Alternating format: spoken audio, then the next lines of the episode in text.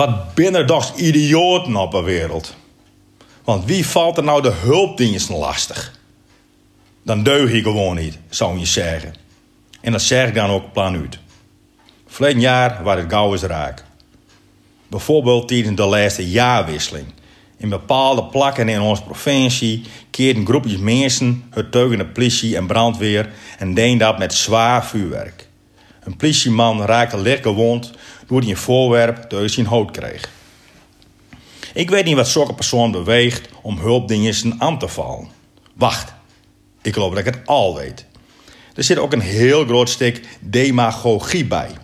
Aanzijt, mensen worden door anderen van dezelfde groep opgeruid tegen het ziekenautopersoneel, politie en brandweer. Metlopers aan de hand van de demagogen dus. Maar hoe bedenk je in een goede giet de idioterij? Vraag je dan door zo. Soms komt bij een normaal denkend mens niet op zelfs. Het lijkt erop dat dit een kenmerk is van de tegenwoordige maatschappij. Want voor zoveel jaar leden deed men soks nooit. Hoewel, de politieaanvallen liggen spiedig genoeg al van alle tieren. Want daar binnen nog oude beelden van waarom te vinden. Maar tijd in elk geval nooit tegen de brandweer en ziekenautopersoneel. Wat? Men kwam niet eens op dat idee.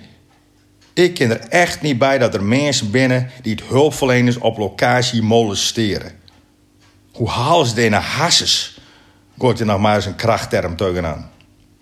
De hulpverleners doen zelfs geweldig werk en ik ben er dan ook wies met dat ze er binnen.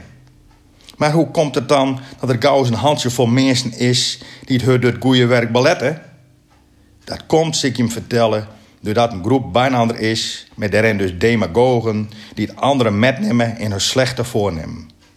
En ook drank in het billig speelt zeker met. Kijk, als één stond wel alleen bij een ongemak op brand laars loopt, dan zal die persoon het niet in zijn hasses halen om het zorgpersoneel, polities of brandweermalie te molesteren. Alleen ben je ommers niet zo'n held, nou. En je wordt het metloper zelfs op dat stuit niet beïnvloed. Maar even vandaag. Hoe denk je hem eigenlijk hoe een slachtoffer van een ongemak hem of haar voelt als een steltje ongeregeld op dat stuit de hulpverleners bedreigt? Dan is zo'n slachtoffer het letterlijk doodsbenauwd.